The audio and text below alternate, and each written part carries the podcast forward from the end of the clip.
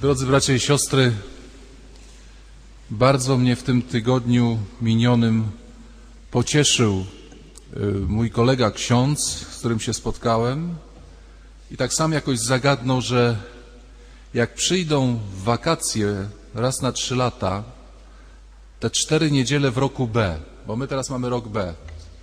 Co roku czytamy różne czytania. Rok A, rok B, rok C i potem z powrotem A, B, C, A, B, C. Teraz jesteśmy w roku B.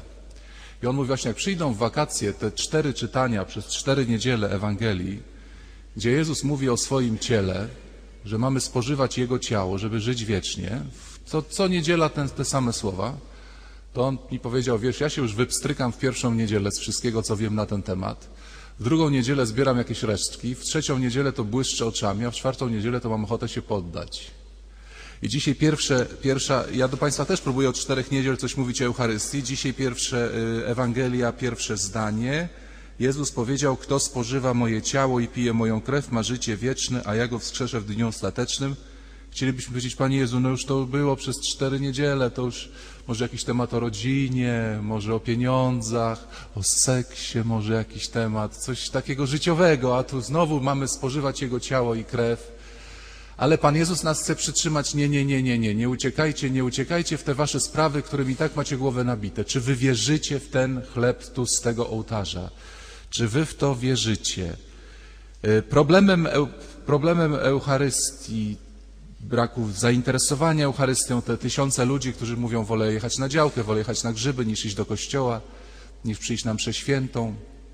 Problem jest ten, że My jesteśmy bardzo ludźmi skoncentrowanymi na doczesności, nawet my, y, katolicy, chrześcijanie, nie tylko niewierzący, nawet my praktykujący. Ja nie pamiętam, bo gdzieś ten przykład ostatnio parę razy mówiłem, czy przypadkiem przed tygodniem go to nie mówiłem, ale proszę Państwa, gdybym Wam zapowiedział na zasadzie jakiegoś proroctwa, Pan jutro znajdzie pięć tysięcy na Marszałkowskiej, to jakie by były Pana wrażenia emocjonalne dzisiejszej nocy?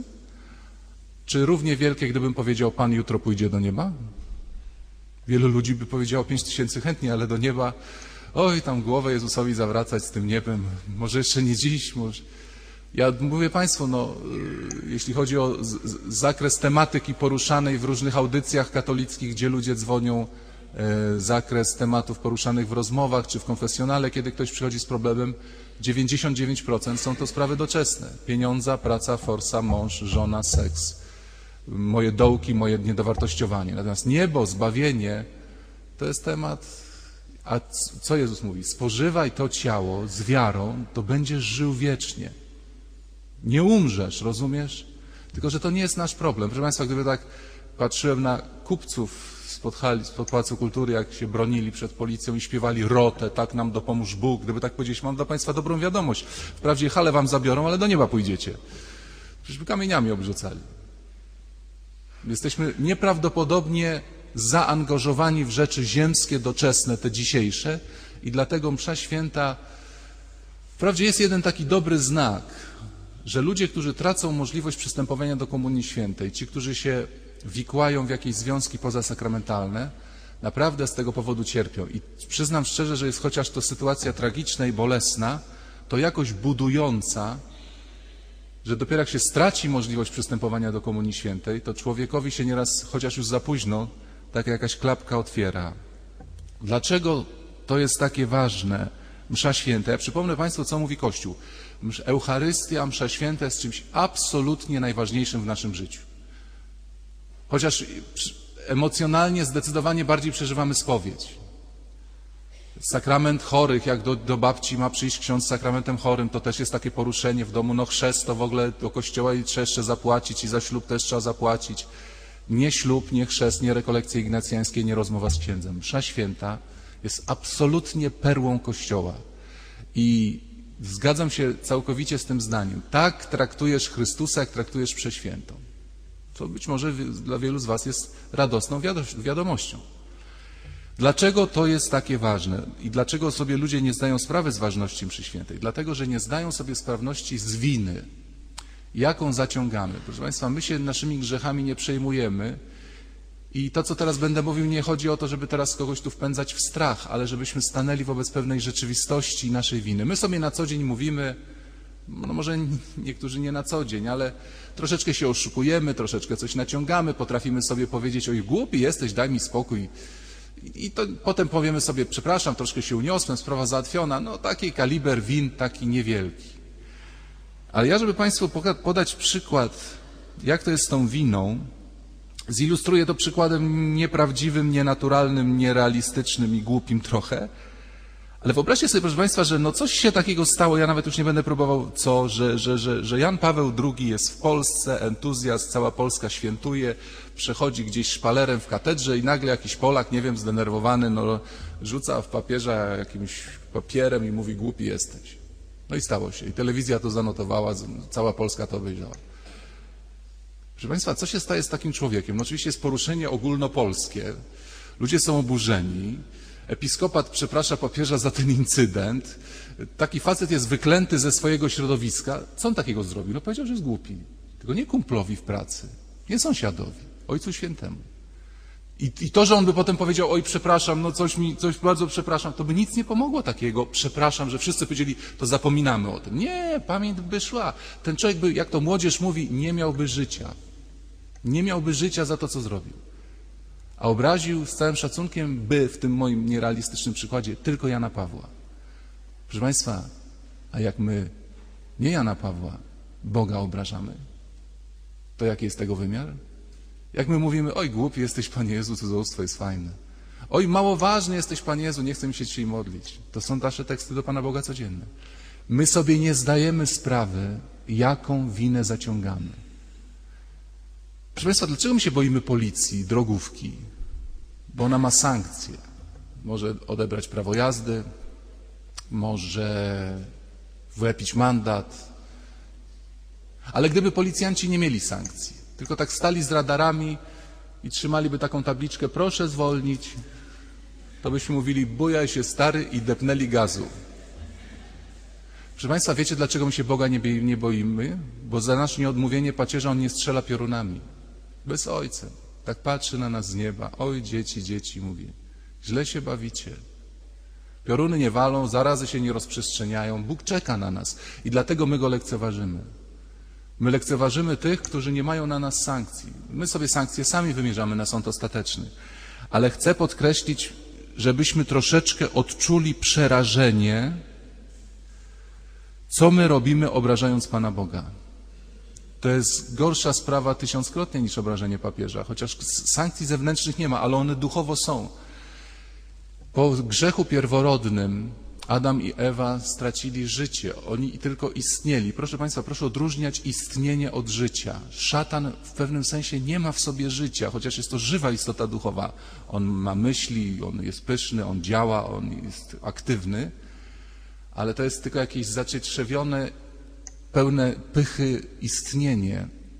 Natomiast nie ma w tym życia. Nas po grzechu pierworodnym nie ma życia i my do tego nie możemy wrócić. Powtarzam, jest to no, oficjalne, jeśli, jeśli jakiś nasz obywatel obraziłby prezydenta Niemiec czy prezydenta Rosji, właśnie rzucając w niego kamieniem, to nie wystarczy, że on potem powie, panie Putin, przepraszam, głupio zrobiłem, tylko nasz prezydent musi przeprosić tamtego prezydenta.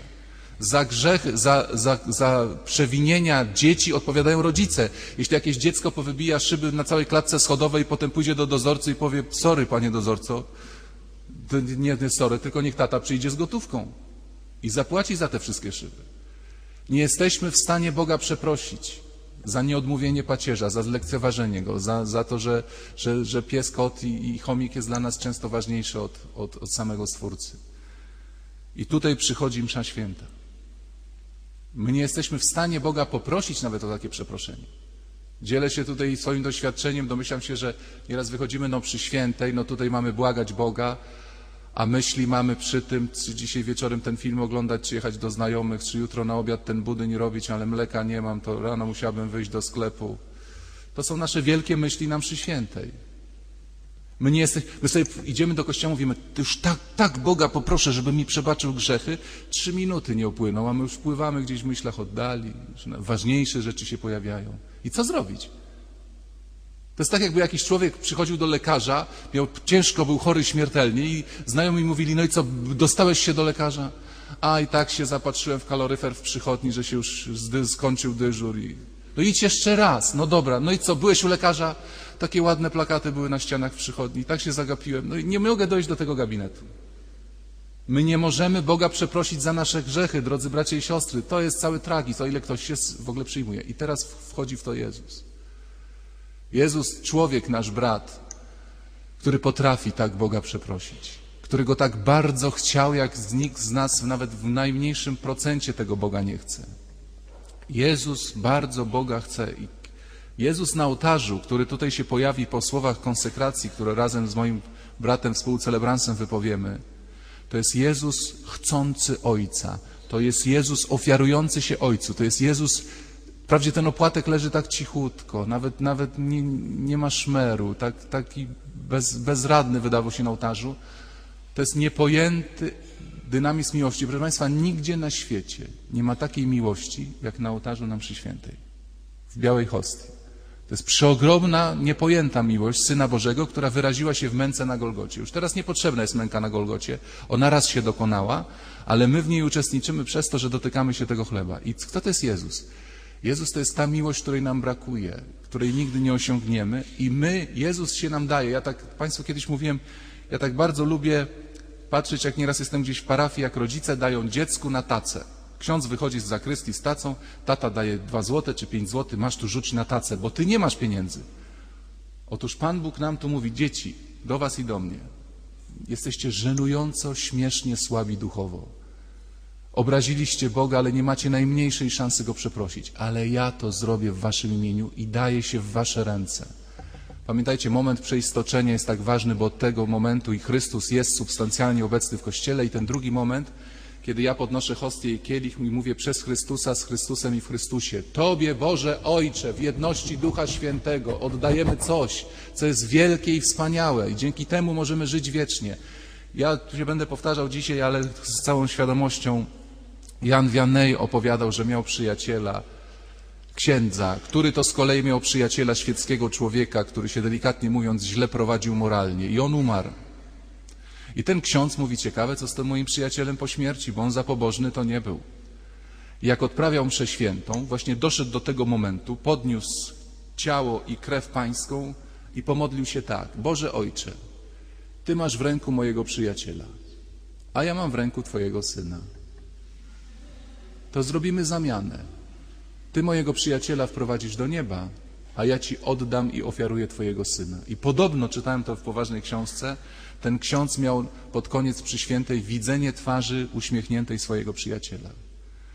Drodzy bracia i siostry, my myślimy, że jak ja pójdę do spowiedzi po pięciu latach i powiem księdzu wszystkie swoje grzechy, aborcję, cudzołóstwa, to ja po prostu zrobiłem coś takiego, że w niebie no, jest przewrót. No, aniołowie stoją, mówią, Jezu, co on zrobił, jakie wielkie dzieło. Nic. To było tylko naciśnięcie guzika. To było tylko podejście do lekarza a całą operację przeprowadza Bóg, Jezus Chrystus, nasz Zbawiciel, nasz Przyjaciel. I otwiera nam bramę do wieczności. Błagam, zresztą do tego jeszcze dojdziemy.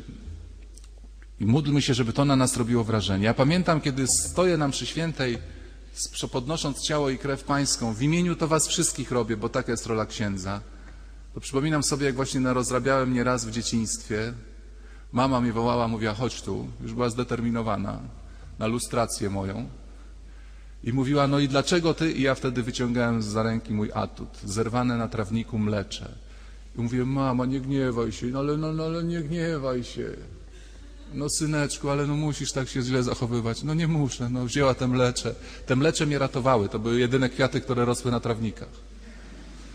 Jak stoję, drodzy bracia i siostry, w imieniu Was podnoszę Pana Jezusa, to stoimy jak głupie dzieciaki. Niech mi wybaczą wszyscy, którzy są adwokatami, lekarzami w nauku. Jesteśmy głupie dzieci, głupie dzieci.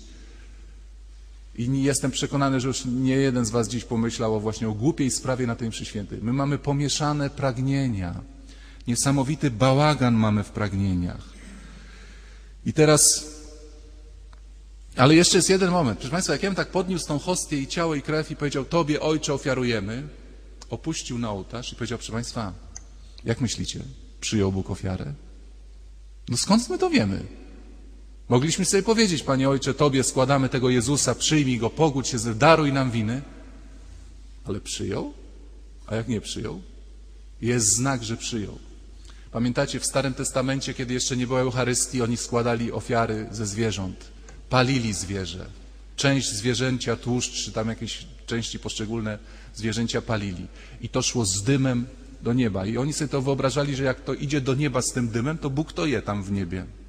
Przepraszam za dosłowność, ten dym, no to jest właśnie część zwierzęcia puściliśmy do góry, a drugą część oni jedli, przynosili do domu jedli. I co to znaczyło? To znaczyło zjedliśmy z Bogiem posiłek. Bóg zjadł przez ten dym, a my zjedliśmy kawałek mięsa. Tego baranka zjadłem z Bogiem, a jak ja z kimś jem posiłek, to ja z nim jestem w zgodzie. Łamanie chleba, zawsze kiedy się określa Eucharystię łamaniem chleba, to ja mam przed oczami Eucharystię, łamanie chleba i łamanie chleba w szkole średniej, kiedy żeśmy wychodzili na długą przerwę do sklepu spożywczego, kupowało się sakramentalną orężadę i ćwiartkę chleba i kumplę mówili daj kawałek. I rozpoczynało się przed sklepem łamanie chleba. Ale jeśli ktoś łamał chleb i ci dał, to był twój kumpel. Wróg ci nie połamał chleba. Proszę Państwa, co, ten chleb, który tu za chwilę będzie leżał na ołtarzu, jest na ołtarzu Kościoła Świętej Anny na krakowskim przedmieściu i jednocześnie jest w niebie zjednoczony z Bogiem. Chcesz się zjednoczyć z Bogiem, musisz to zjeść. Zjadłeś posiłek, zjesz chleb, który jest, leży przed Bogiem w niebie, przyjęty przez Boga. Bóg Ojciec jest zjednoczony ze swoim Synem istotowo. I dlatego jesteś spokojny. Bóg przyjął moją ofiarę, bo pozwolił mi dzisiaj przystąpić do Komunii Świętej i spożyć komunikant. Błogosławieni wszyscy ci, którzy jesteście w Kościele i dzisiaj będziecie na uczcie, zjecie ciało Pańskie, doznacie przebaczenia. Ci, którzy tego nie mogą zrobić, oby zrobili to jak najszybciej, bo tylko spożywanie tego chleba daje życie wieczne. I drodzy bracia i siostry, jeszcze jedna jest rzecz. Jeśli Bóg za ciebie umarł, jeśli wydał się w Twoje ręce, żebyś złożył ofiarę, jeśli pozwolił Ci się zjeść, żebyś zjadł posiłek z Bogiem, to czy Ty możesz jeszcze mówić, że jesteś nic nie warty? Dla mnie nie mów nigdy, że wierzysz w Boga i Jezusa Chrystusa i dzieło odkupienia, jeśli uważasz się za zero. Nie wierzysz w Boga i Chrystusa. A jest wielu chrześcijan, którzy chodzą do kościoła, są na mszy świętej, przyjmują komunię, wychodzą z kościoła i mówią, jestem zerem. Jestem niczym, jestem grzesznik, jestem do niczego, jestem mało warty. Nie wierzysz w Boga. Nie wierzysz w Boga. Nie uwierzyłeś w to, co On dla Ciebie zrobił. Chrystus mówił do Żydów, lecz wśród Was są tacy, którzy nie wierzą. Jeśli wierzysz w to, co Bóg dla Ciebie zrobił, uwierzysz w to, że jesteś perłą. Możesz się dziwić. Ja taki pajac, taki pacan, taki tuman. Bóg za mnie umarł. Bóg za mnie umarł i nam przy świętej daje mi ciało. Tak się dał sponiewierać. Dlatego, żebyś ty, Anna Kowalska, ja Piotr Pawlukiewicz, na krzyżu nas widział. Widział te świństwa, które robiliśmy w domu, w szkole, na imprezach. Widział to wszystko i mówił, kocham go, tego grzesznika. Ojcze, ja daję więcej miłości, niż on daje tobie lekceważenia. Jedna kropla krwi Chrystusa topi wszystkie nasze świństwa świata. I ty jesteś niewarty, ty jesteś zerem, dlatego że upadłeś, dlatego że się nie dostałaś na studia, dlatego że mąż cię nie szanuje, a Bóg. Kochani, chciałbym, wielu ludzi odeszło, kiedy tego wszystkiego słuchało. Zresztą powtórzę to sprzed tygodnia. To jest ciekawa rzecz, że Jezus zapytał swoich uczniów o jedno. Wy też chcecie odejść? Nie mówił, słuchajcie, ja rozumiem, że ta moja nauka jest trudna. Ja rozumiem, że możecie mieć kłopoty. Ja wam to jeszcze wszystko wyjaśnię. Y, za tysiąc lat urodzi się Tomasz Zakwinu, on y, będzie dobrze to wszystko też teologicznie ujmował. Nie odchodźcie jeszcze na ostatniej wieczerzy wam. Nic. Krótka piłka. Chcecie odejść? To jest niesamowite. Jezus i niektórzy odeszli. I ja teraz chciałem, drodzy bracia i siostry, powiedzieć parę dobrych słów o tych ludziach, którzy odeszli. Ktoś, kogoś może zaskoczę, że ja będę chwalił ludzi, co odeszli od Chrystusa, ale ja ich pochwalę. Bo zwróćcie uwagę, patrzyli na Jezusa, uzdrawia, karmi, wskrzesza. No super takiego mieć w kręgu znajomych i przyjaciół. Tylko zaczął coś mówić, że trzeba jego ciało zjadać. No coś mu się pokićkało, no coś... Dobra, machnijmy ręką na to jego spożywanie ciała i krwi, byle będziemy za nim chodzić, jedzonko będzie, zdrówko będzie, wino będzie, wszystko będzie super. A że tam coś jest, co my tam nie wierzymy, dobra, przymknijmy oko. Nie, odeszli. Odeszli i zrezygnowali z chleba, z wina, z uzdrowień, z wskrzeszeń. I to im trzeba przyznać rację. Wielu ludzi przychodzi do kościoła i mówi tak, no ten kościół bredzi o tych środkach antykoncepcyjnych, że to nie wolno, o tej eutanazji to też bredzi, tam dziadkom się coś na Watykanie pokręciło. Ale za to są święta, ślub jest fajny, chrzest jest super, ale do księdza można iść pogadać, pocieszy trochę i spowiedź jest też sympatyczna i święconka. Dobra, przymknijmy oko na tą eutanazję, już niech se gadają ci księża o tej eutanazji, o tym, że nie wolno mieszkać przed ślubem, niech se, ale za to coś, nie proszę Państwa, to Jezusowi się bardziej podobają ci, co odeszli. Albo go przyjmujesz. Proszę zwrócić uwagę, jak Jozue stawia dzisiaj w Starym Testamencie sprawę. Wezwał wszystkich Izraelów Gdyby wam się nie podobało służyć Bogu, rozstrzygnijcie dziś, komu chcecie służyć. Czy bóstwom z jednej strony rzeki, czy z drugiej, czy chcecie służyć Panu Bogu. Najgorsza jest letniość. Przyznam Państwu szczerze, że jedną z najprzyjemniejszych rozmów, ja po kolędzie chodziłem bardzo mało, ja byłem tylko dwa lata na parafii, jedną z najprzyjemniejszych rozmów po kolędzie spędziłem, odbyłem z człowiekiem niewierzącym. Zastukałem do drzwi, otwiera mi taki młody student. Mówi do mnie, o dobry wieczór, już czuję, że coś jest nie tak. Ja jestem niewierzący, ale może pan do mnie zajdzie. No czemu nie? Proszę Państwa, piękna rozmowa. On był spokojny, bo mówił, nie wierzę, moi rodzice też są niewierzący, ja nie jestem okrzczony. Natomiast niektóre rozmowy u katolików, kiedy się rozmawia z żoną, a ona nerwowo patrzy na drzwi od łazienki, czy się mąż tam nie, nie kichnie przypadkiem, bo by się wydało, że jest w domu, prawda? Niektórzy księża nawet nieraz te drzwi od łazienki otwierali, mówili, dzień dobry panu takie zdenerwowanie, że my to jesteśmy wierzący, tylko nie chodzimy do, my jesteśmy wierzący, ale bez ślubu, a syn chodzi do sekty, a ja chodzę do drugiej sekty. Ja się leczę u bioenergoterapeuty, ale Maryję też wierzę. O matko. A ten przyszedł, powiedział, ja jestem niewierzący, ja jestem niewierzący. Nie wierzę w Boga, nie, nie, nie uznaję y, jakiejś tam nauki moralnej. Jest w błędzie. Ale proszę mi wierzyć, że on będzie miał lepszą sytuację wyjściową na sądzie ostatecznym. Trzeba ich pochwalić, bo oni rezygnowali z Jezusa usług materialnych. I to jest pytanie wszystkich do nas. Kochani, może też Was zaskoczę, ale Jezus nie chce przede wszystkim tego, żebyśmy my Mu powiedzieli tak. Jezus chce przede wszystkim to, żebyśmy my Mu powiedzieli prawdę i, i decyzję wolną podjęli. Dlatego absolutnie najważniejszym pytaniem, jakie Bóg kieruje do nas, to jest czego chcesz. I całe nasze życie duchowe polega na tym, co Państwu często mówię, o wejściu w głąb swojego serca, żeby się dowiedzieć, czego ja chcę. Naprawdę chcę. Bo powtarzam, w dziedzinie pragnienia i chcenia my mamy kociokwik w głowie i w sercu nieprawdopodobny. Nieprawdopodobny. Spotykam się no, z ludźmi, rozmawiam, nieraz spotykam się z paniami już w takim wieku troszeczkę średnim, 30 parę lat. I nie jedna mi mówi, proszę księdza, ja bym tak chciała mieć dziecko. Już nawet myślę o różnych sposobach, nie zawsze. Ja bym tak chciała mieć dziecko. Dziecko pani chce? Ale czego, dlaczego pani chce to dziecko? I okazuje się, że ona, dziecko dzieckiem, ale ona sobie myśli, że to dziecko będzie takie różowiutkie i tak będzie pierś sało i tak do mamy mówiło gu, gu, gu, gu, gu i tak będzie sobie spało. Ona sobie nie wyobraża, że to dziecko może mieć kiedyś 18 lat i powiedzieć, po coś mnie płodziła sztucznie? Nie umiesz mnie teraz wychować? Ojca mi nie dałaś? Jestem nieszczęśliwy. A o tym, proszę księdza, nie myślałam. Chcesz mieć dziecko? Oj tak, chcesz mieć dziecko. A z zespołem Downa też? E, e, e, nie chcesz mieć dziecko, chcesz, żeby ci było przyjemnie przy pomocy dziecka. Chcę wyjść za mąż i od razu wyobrażenia, ten mąż taki czuły, pachnący, ogolony, zadbany, kochanie do mnie mówi.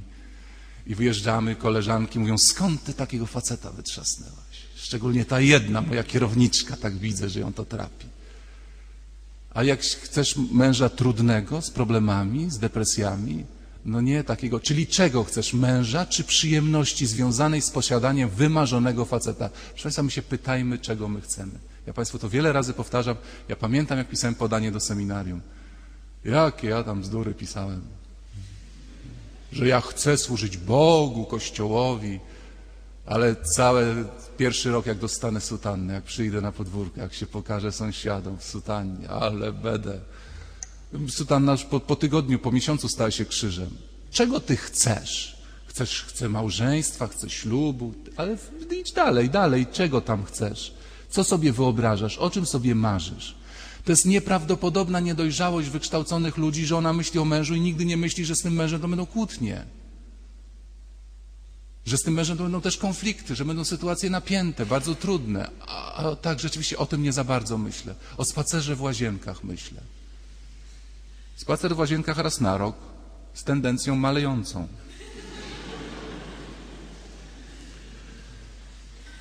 Drodzy bracia i siostry, i Bóg, Bóg rozmawia z nami poważnie, bo my, jest, też to już mówiłem, my nie chcemy od drugiego człowieka wolnej decyzji. My chcemy takiej decyzji, jaką ja chcę. Dziewczyna się tak stroi na randki, taka się czarująca robi, chłopak na nią leci, no zakochał się strasznie i ona jest zadowolona. Ktoś powie, ty, ale ty go po prostu owinąłeś wokół palca różnymi chwytami. Nieważne, ale mój jest, mój ci on. Chłopak jest dla dziewczyny przemiły, wie, że ona jest niedowartościowana, więc jej komplementy, jeden, drugi, trzeci, wuzetkę, Coca-Colę, kochanie, bez ciebie żyć nie mogę. Ona po prostu nie, nie może oddychać bez niego. Chłopak, ale co ty z nią robisz? Przecież ty ją owijasz wokół palca, zniewala się. Nieważne, ale moja ci ona, moja. I to jest dramat. A interesuje cię, co ona by sądziła o tobie bez tego całego zadym, bez tej zadymy? Interesuje cię, co ona będzie sądzić o tobie, co ty będziesz sądził o niej, jak ona ten makijaż po ślubie zmyje? Jak się spotkają wasze czyste wolności, interesuje cię to? Oj, nie mówmy, proszę księdza, o takich drażliwych tematach. Na razie jest super. No to, a Bóg z nami rozmawia. Czego chcesz? Po coś tu przyszedł? Dlatego, żeby żyć w prawdzie. Jego nie interesują żadne kleje, żadne farby. Jego interesuje Twoje serce, Twoje ja.